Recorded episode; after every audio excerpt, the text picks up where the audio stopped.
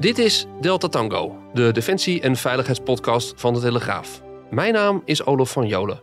En ik moet het deze week zonder co-presentator Sil van Schoonhoven doen. Maar als compensatie heb ik vandaag twee gasten. Tegenover me zit vandaag major buitendienst Niels Roelen. En op afstand, maar daarom niet minder dichtbij, hebben we gezelschap van veteraan Roy Ginvis. Heren, welkom. Ja, wie een beetje actief is op sociale media, die weet waar we het dan over gaan hebben. Afghanistan. Want eh, mijn beide gasten zijn uh, zeer actief uh, op de verschillende platformen. En met regelmaat komt dit terug, want ze zijn beide veteraan van de Afghanistan-missie. We praten daar vandaag opnieuw over, omdat die missie het centrale thema is van de komende Veteranendag.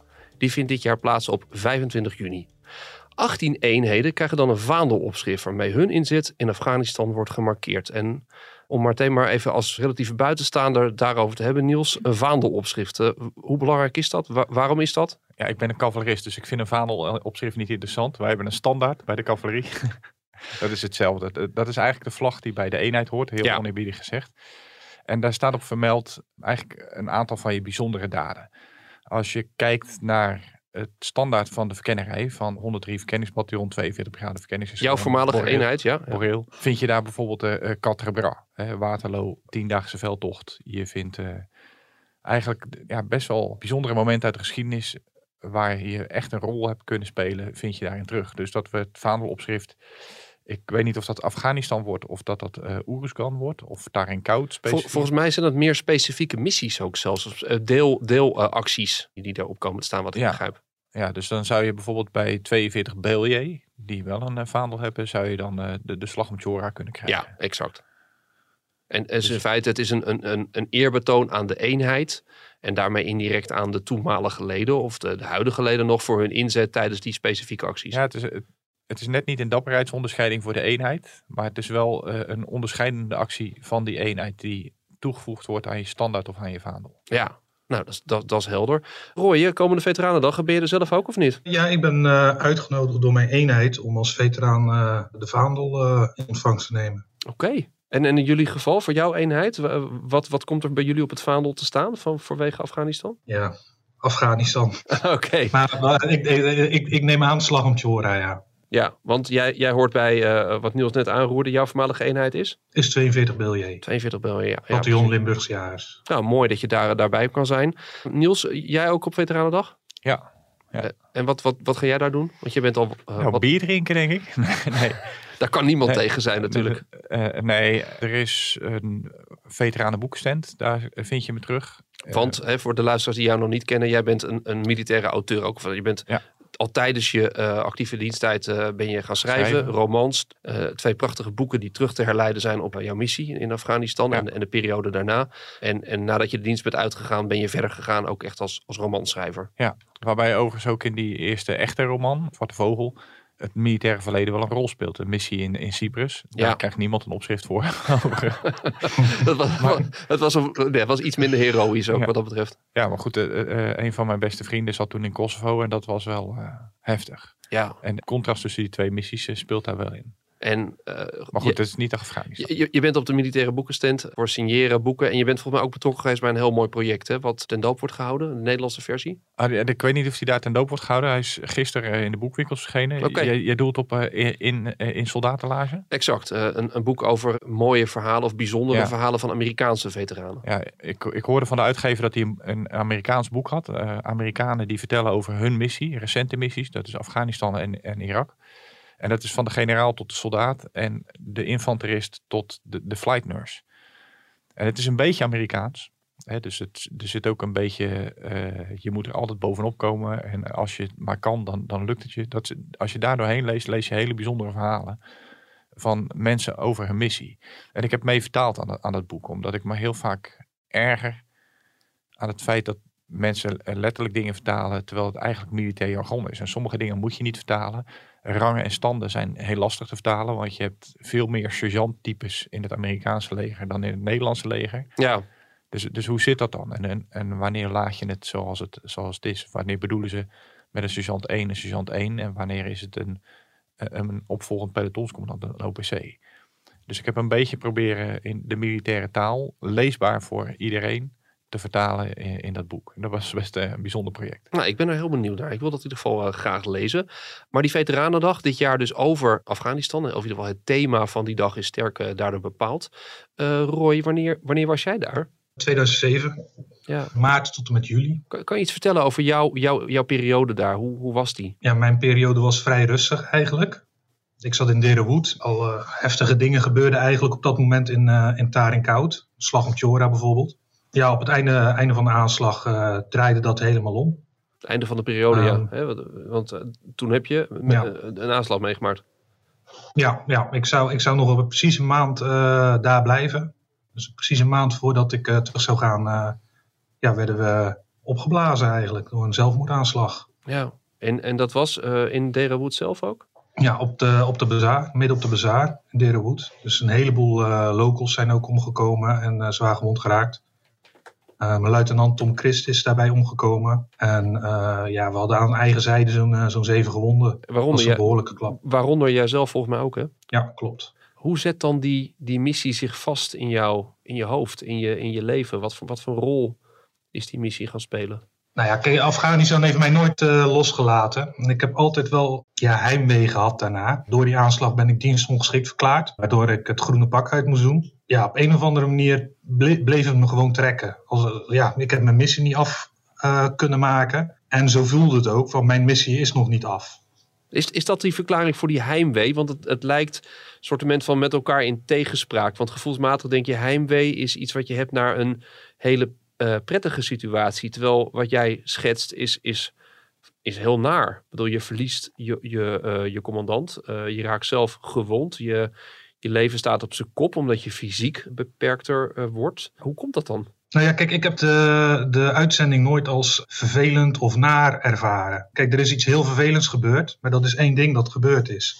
En daardoor laat ik die andere maanden dat ik daar heb gezeten en het gewoon super naar mijn zin heb gehad, en goede dingen heb kunnen doen, voor mijn gevoel, ja, dat maakt niet minder om. Ik vind niet dat het, dat het bepaald moet worden door een of andere mafkees die zijn eigen opblaast. Jij bent ook, eh, ik zei het al in, in de introductie, behoorlijk actief op sociale media. Daar deel je vaak hele mooie foto's van, van Afghanistan. Uh, met Af, een, Afghani-porn. Af, ja, ik, ik, ik dacht, kan ik het nou wel hardop zeggen of niet? Maar het is wel zo. Nou, zo heb ik het voor je gedaan. Fijn, dank je. maar, maar dus het, het, inderdaad, wat, wat ook blijft hangen daar, is iemand die, um, die dat, dat komt het mij over, die dat land echt in zijn hart gesloten heeft. Waar zat hem dat in? Ja, het, het is gewoon een geweldig mooi land. Ik heb de bevolking ja, die zijn altijd, altijd ja, heel gasvrij en, en, en aardig tegen ons geweest. Op de boefjes na dan. Maar merendeel was gewoon heel gasvrij. Ja, ik, ik, ik denk dat wij ook wel iets, iets kunnen leren van die mensen. Het is zijn heel zacht en, en, heel gasvrij. En, het, heeft, het heeft je ook in, in positieve zin echt geraakt, wat je daar, wat je daar zag en meemaakte. Ja, ook, ook wel verbaasd, weet je wel. Die mensen die maken een heleboel ellende mee. Als je dan eigenlijk uh, zo zacht en zo bescheiden kan blijven, dat, ja, dat vind ik wel bizar. Ik kan me ook voorstellen dat dat bijzonder is om te ervaren, want je was nog een heel, hele jonge jongen toen je daarheen ging. Dus kan ik me, hoe oud was je dat je naar Afghanistan ging? 21. Ja, ja dan ben je natuurlijk toch, dan, komt, hè, dan, dan word je nog echt heel erg gevormd door de indrukken die je krijgt. Ja. ja. Niels, hoe, hoe, hoe, was dat, hoe is dat voor jou? Ik bedoel, wat, wat, wat betekent Afghanistan voor jou nog? Ja, ik heb ooit gezegd dat alles wat je doet in je leven, dat brengt een verandering teweeg. En de een groter dan, dan de ander. En Afghanistan heeft een, denk best wel rigoureuze verandering meegebracht. En er zit een, een belangrijk deel zit ook in, in wat Roy zegt. De gastvrijheid van, van die mensen, de, de manier waarop mensen met teleurstellingen omgaan, daar met het leven omgaan, met de hardheid van het leven. Dat houdt best wel een spiegel voor aan jezelf hoe goed je het hier hebt. En, en hoe makkelijk we hier klagen over dingen die er, die er moeten gebeuren. En daar heb, ik, daar heb ik heel veel van geleerd. En net als Roy, over, ik kwam binnen. Ik landde op daar in koud. En een dag later eh, was die aanslag op, uh, op de bazaar. Ja. Dus dan ben je wel gelijk even binnen. Van eh, oké, welkom in, uh, in Oeruzgan. Maar, maar, het, is, het is gewoon echt een, een, heel, een heel bijzonder land. In, op heel, heel veel manieren. Waar, je, waar wij heel veel van kunnen en, en moeten leren. Ook op militair vlak van hoe we missies aanlopen overigens. Maar dat is weer een heel ander, uh, ander verhaal. Ja. Want jouw eh, uitzending, dat was dus van?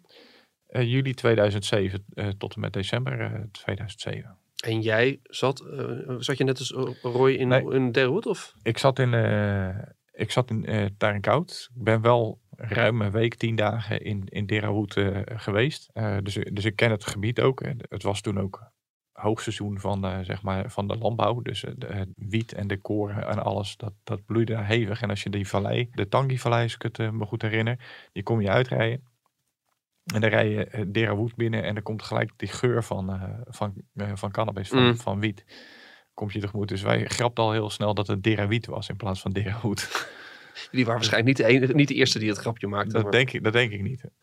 Roy, ik zie Roy eh, via het scherm zien we hem lachen. Dus volgens mij is het herkenbaar of niet? Ik heb hem wel eens gehoord, ja. En die missie, wat, wat, wat, deed jij daar precies? Wat was je rol? Ik was plaatsvervangend compagniescommandant van een infanteriecompagnie. Ja, ik ging op patrouilles met, eh, eh, of, of de commandant was, was leidend en dan ging hij mee met de patrouille. Of ik was leidend, dan ging ik mee met de patrouille. Ik zat regelmatig op eh, een van de forward operating bases, zoals dat dan heet, Poenchak. Buitenposten? Buitenposten, eh, inderdaad. Ja, dan zat je eh, eh, 10 tot 15 dagen zat je op een, op een kilometer of 14, 15 hemelsbreed van Kamp Holland vandaan. En dan zat je midden in het gebied waar, waar het wel ook gebeurde. Met, als je het hebt over aanslagen, gevechten. Van, van Poenchak zijn foto's terug te vinden op het internet. En dan zie je zo'n bordje eh Poenchak eh, vier sterren resort. eh, vind je terug. Maar je, je vindt ook altijd een bordje waarop staat Taliban. En dan pijltjes alle kanten Alle op. kanten op. Die, die, hoort daar, die hoort daar ook bij. En dat, dat contrast ook van eigenlijk hoe mooi het land is. En van het de constante dreiging die, die er is. Die maakt het wel heel bijzonder. Die maakt wel dat je daar veel bewuster leeft dan dat je hier leeft. Dat klinkt heel gek, maar juist daar waar de dood dichtbij is, aanwezig is, ben je veel bewuster van, je, van je, hoe je zelf leeft. Roy, eh, herken je dat? Ja, en, en ik, ik probeer dat ook eh, een beetje op Twitter over te brengen. Weet je wel, eh, ja, het contrast van de, van, de, van de mooie foto's, de Afghani-porn. Ja, laat ik ook zien wat er nu gebeurt. Dus de Taliban is gewoon flink aan het huishouden. En ja, je ziet de meest verschrikkelijke dingen. Daar merk je ook wel aan mensen dat, dat, dat ze zich daar heel erg over verbazen. Van hoe mooi, mooi het land is. En hoeveel ellende eigenlijk daar is. Kon je daar, kon je daar toen je daar zelf was al, eh spreken, chocola van maken voor jezelf? Of zit je dan zo in, in de modus van patrouilles draaien, aan het werk zijn, gaan, gaan, gaan, dat je er eigenlijk niet echt aan toe komt? Nee, ja, dan, ja je, bent, je bent echt bezig met je, met je werk. Achteraf ga je pas beseffen wat je. Ga, ga je pas eh, nadenken van wat je hebt meegemaakt, wat er nou gebeurd is. En, en hoe het nou een beetje in elkaar zit. De reflectie, zullen we maar zeggen, die komt pas later. Ja, ja. En natuurlijk lees je wat boeken en zo over, over Afghanistan voor je dat je die kant op gaat. Eh, je krijgt wat missiegerichte info, maar dat is zo beperkt. Ja, Ja, en dat, is heel ook- anders als je, als je met, met mensen zelf praat en, en, en het meemaakt. Het is, het is droge kennis, ik wou net zeggen. Het, het ervaren is altijd iets anders dan erover lezen. Niels, hoe, hoe was dat eh, voor jou? Was jij daar ter plekke al wel dat, dat reflecteren of is dat ook pas later gekomen wel? Nou, de- een deel van de- de reflectie op, op dingen die daar gebeurd zijn, die komt later pas. Omdat het in een bepaald tempo eh, gebeuren er dingen. Dat je daar eigenlijk niet eens de tijd voor hebt om te doen. Hè. In Nederland had je toen nog De Wereld Draait Door op, eh, op televisie. Dat is een aardig programma, maar daar draaide de wereld echt door. Tom Christ was overleden. Dan wordt er een erehaag gevormd als die naar het eh, vliegveld wordt gebracht. Maar vijf minuten later sta je bij je voertuig omdat je op patrouille moet. Weet je, dat zijn wel dingen, je moet wel door kunnen blijven pakken. Dus over dat soort dingen komt de reflectie pas, pas later. Wat ik op een gegeven moment wel zag in het gebied, en dat heb ik ook een aantal keren aangekaart, dat er eigenlijk voor Oeruzgan niet een echt plan was. Hm. Wat is, waar gaan we nu naartoe? Een wederopbouwmissie is een heel algemeen woord. En wat is dat dan, een wederopbouwmissie? En wanneer is de missie geslaagd? Wanneer is de wederopbouw geslaagd? Misschien was dat En- wel het probleem van heel Afghanistan. Dat in feite eh, er Ja. de internationale Nou gemeenschap daar naar binnen stapte. En, en al terwijl ze er al waren, eigenlijk is ging nadenken van wat willen we eigenlijk verder? Wat is ons doel? Ja, dus ik heb, ik heb daar al gezegd van als je echt een plan maakt en je zegt van nou dit is het probleem. Ik heb bijvoorbeeld aangekaart in, in Oeruzgan is heel veel analfabetisme. Nou, als je wilt dat mensen hun eigen mening kunnen gaan vormen, moet je ze eerst leren lezen en schrijven. Dan ben je twee generaties verder voordat je van 80% analfabeet naar 80% lezers en schrijvers bent gegaan. Mensen die dat niet meer zijn. Ja. Nou, dan heb je het over een missie van 40 jaar.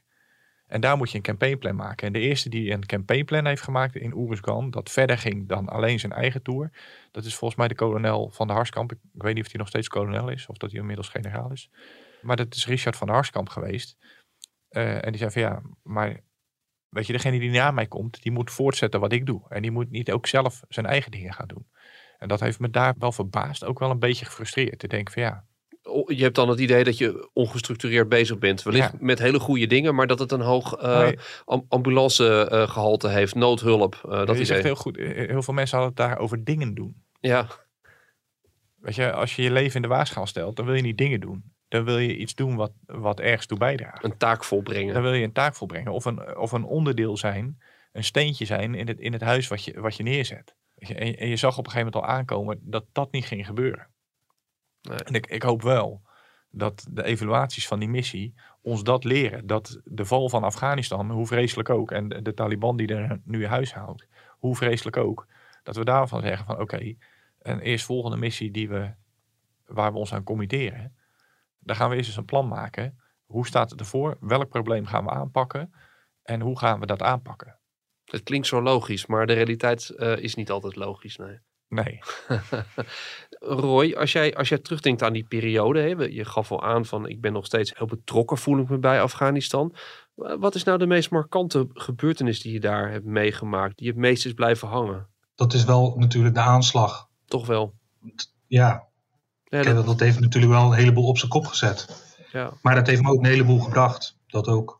In wat voor opzicht? Nou ja, net zoals afgelopen jaar met de evacuatie. Uh, ja, heb ik me mogen inzetten voor de, voor de tolken.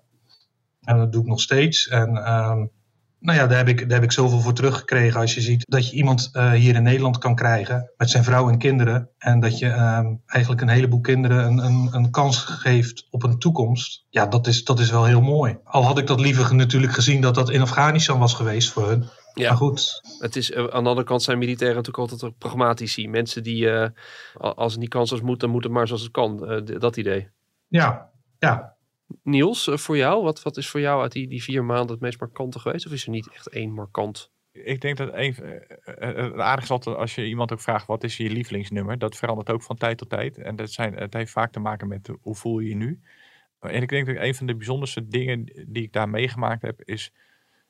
Het bestaat uit de gesprekken met, met, met de tolken. Als je op Punjak zat, ja, dan, dan praat je met elkaar dan praat je met die tolken. En die tolken die vertellen over hoe Afghanistan in elkaar zit. En, en je leert wat over dat land.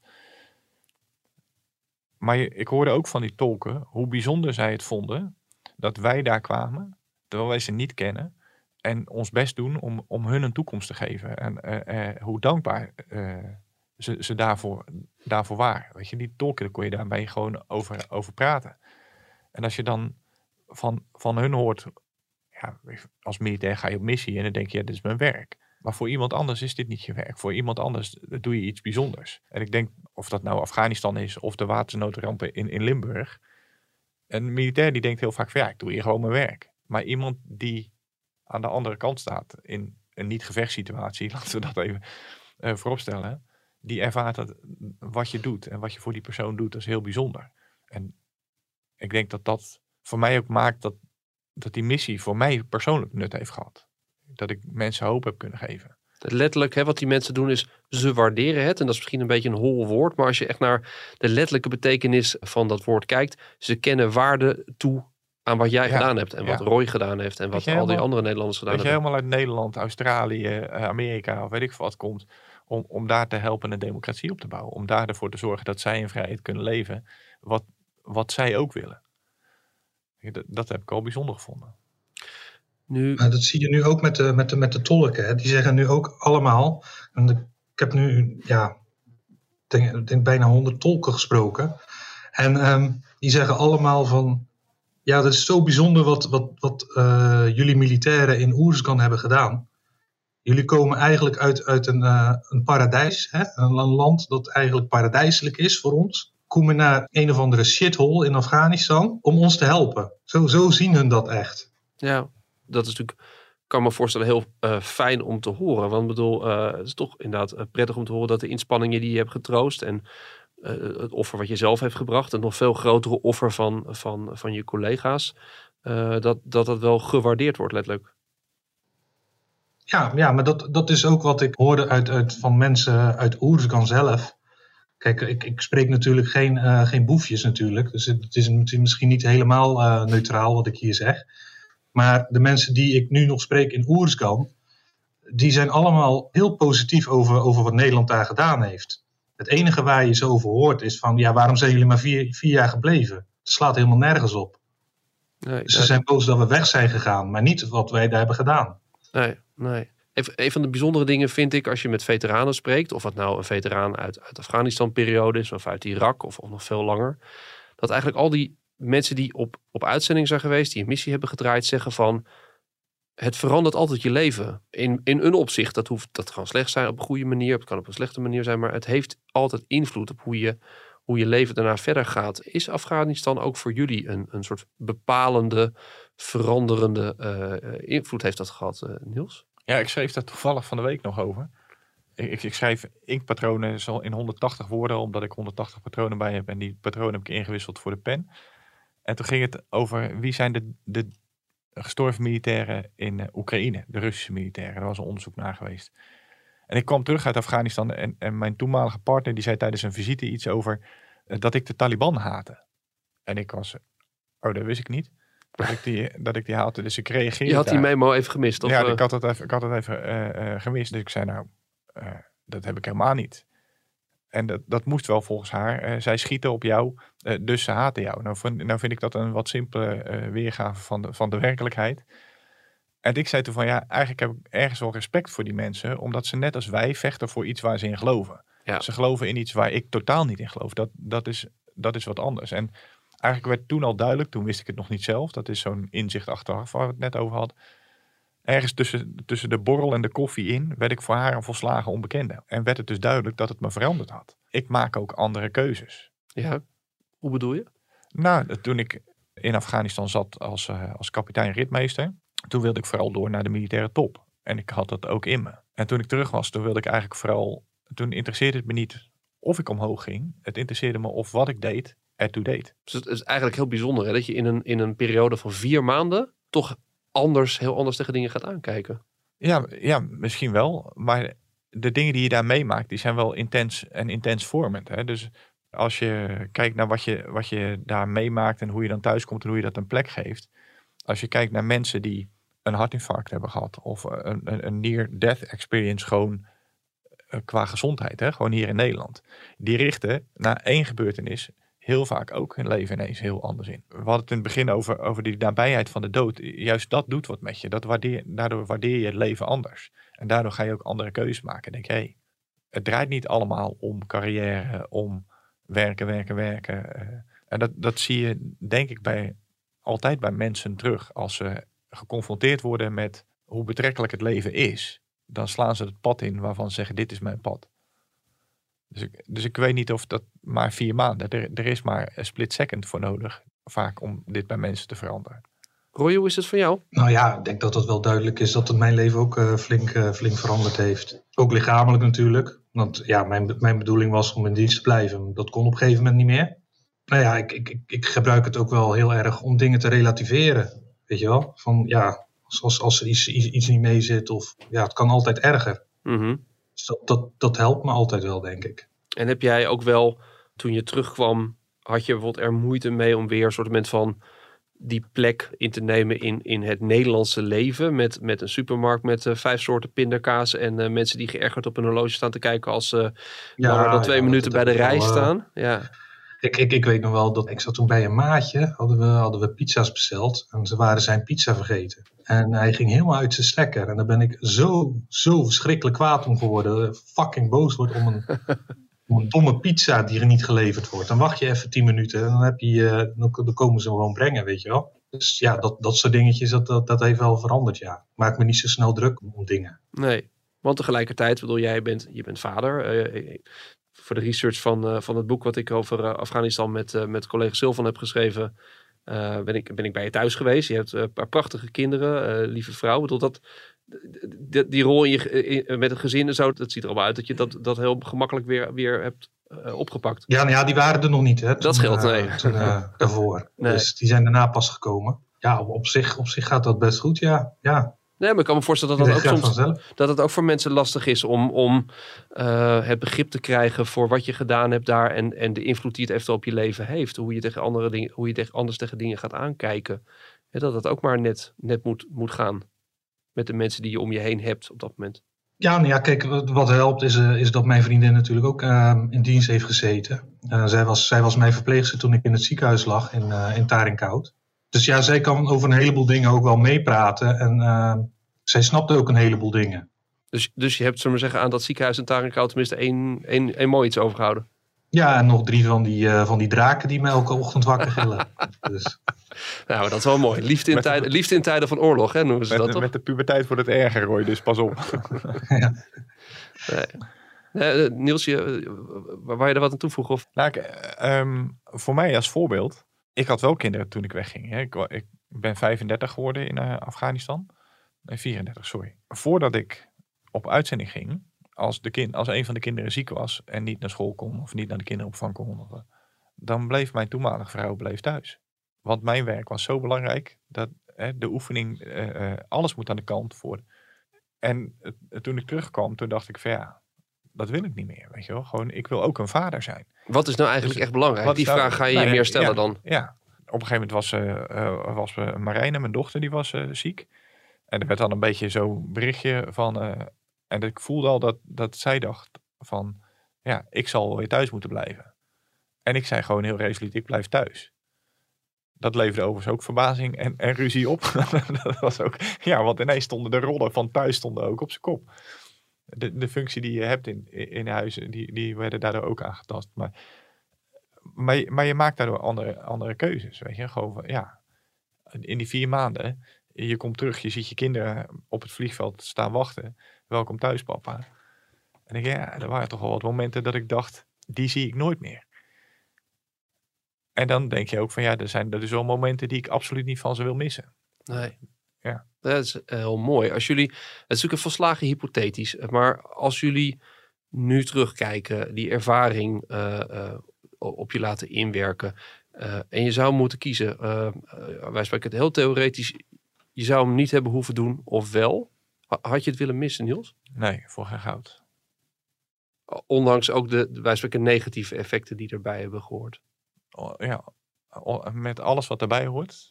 Ik denk dat het een van de meest bijzondere periodes in mijn leven is geweest. Dus heb je die vier maanden, word je, word je 70, 75 jaar. Vier maanden fantastisch. nee, maar het, nee, het is echt. eh, eh, ik heb er heel veel geleerd over andere mensen, over mezelf. En, en, eh, en wie ik wil zijn. Het, het, het leven ook van, Ja, van in ja. bredere zin. Roy? ja, ik, zou, ik had het ook nooit willen missen. En dat heeft me gemaakt eh, wie ik nu ben. Dus ja, en eh, daar ben ik tevreden mee. Dus. Nee, ik vind het ehm, eh, eh, een beter besluit kan ik eh, eigenlijk denk ik niet bedenken voor, eh, voor deze Delta Tango. Ehm, Roy Ginvis, eh, heel erg bedankt. Niels Roelen, dankjewel dat je er was. Ehm, bedankt voor jullie mooie verhalen. En hopelijk hebben jullie de, de zaterdag op Veteranendag nog veel meer mooie verhalen om jullie heen van, van oud, eh, oud. Dit was Delta Tango voor deze keer. En we hopen dat je met plezier hebt geluisterd. Als dat zo is, abonneer dan op de podcast, zodat je geen aflevering meer hoeft te missen. En ook met recensies doe je ons een groot plezier. Wij zijn er over twee weken weer met een onderwerp uit de wereld van defensie en internationale veiligheid.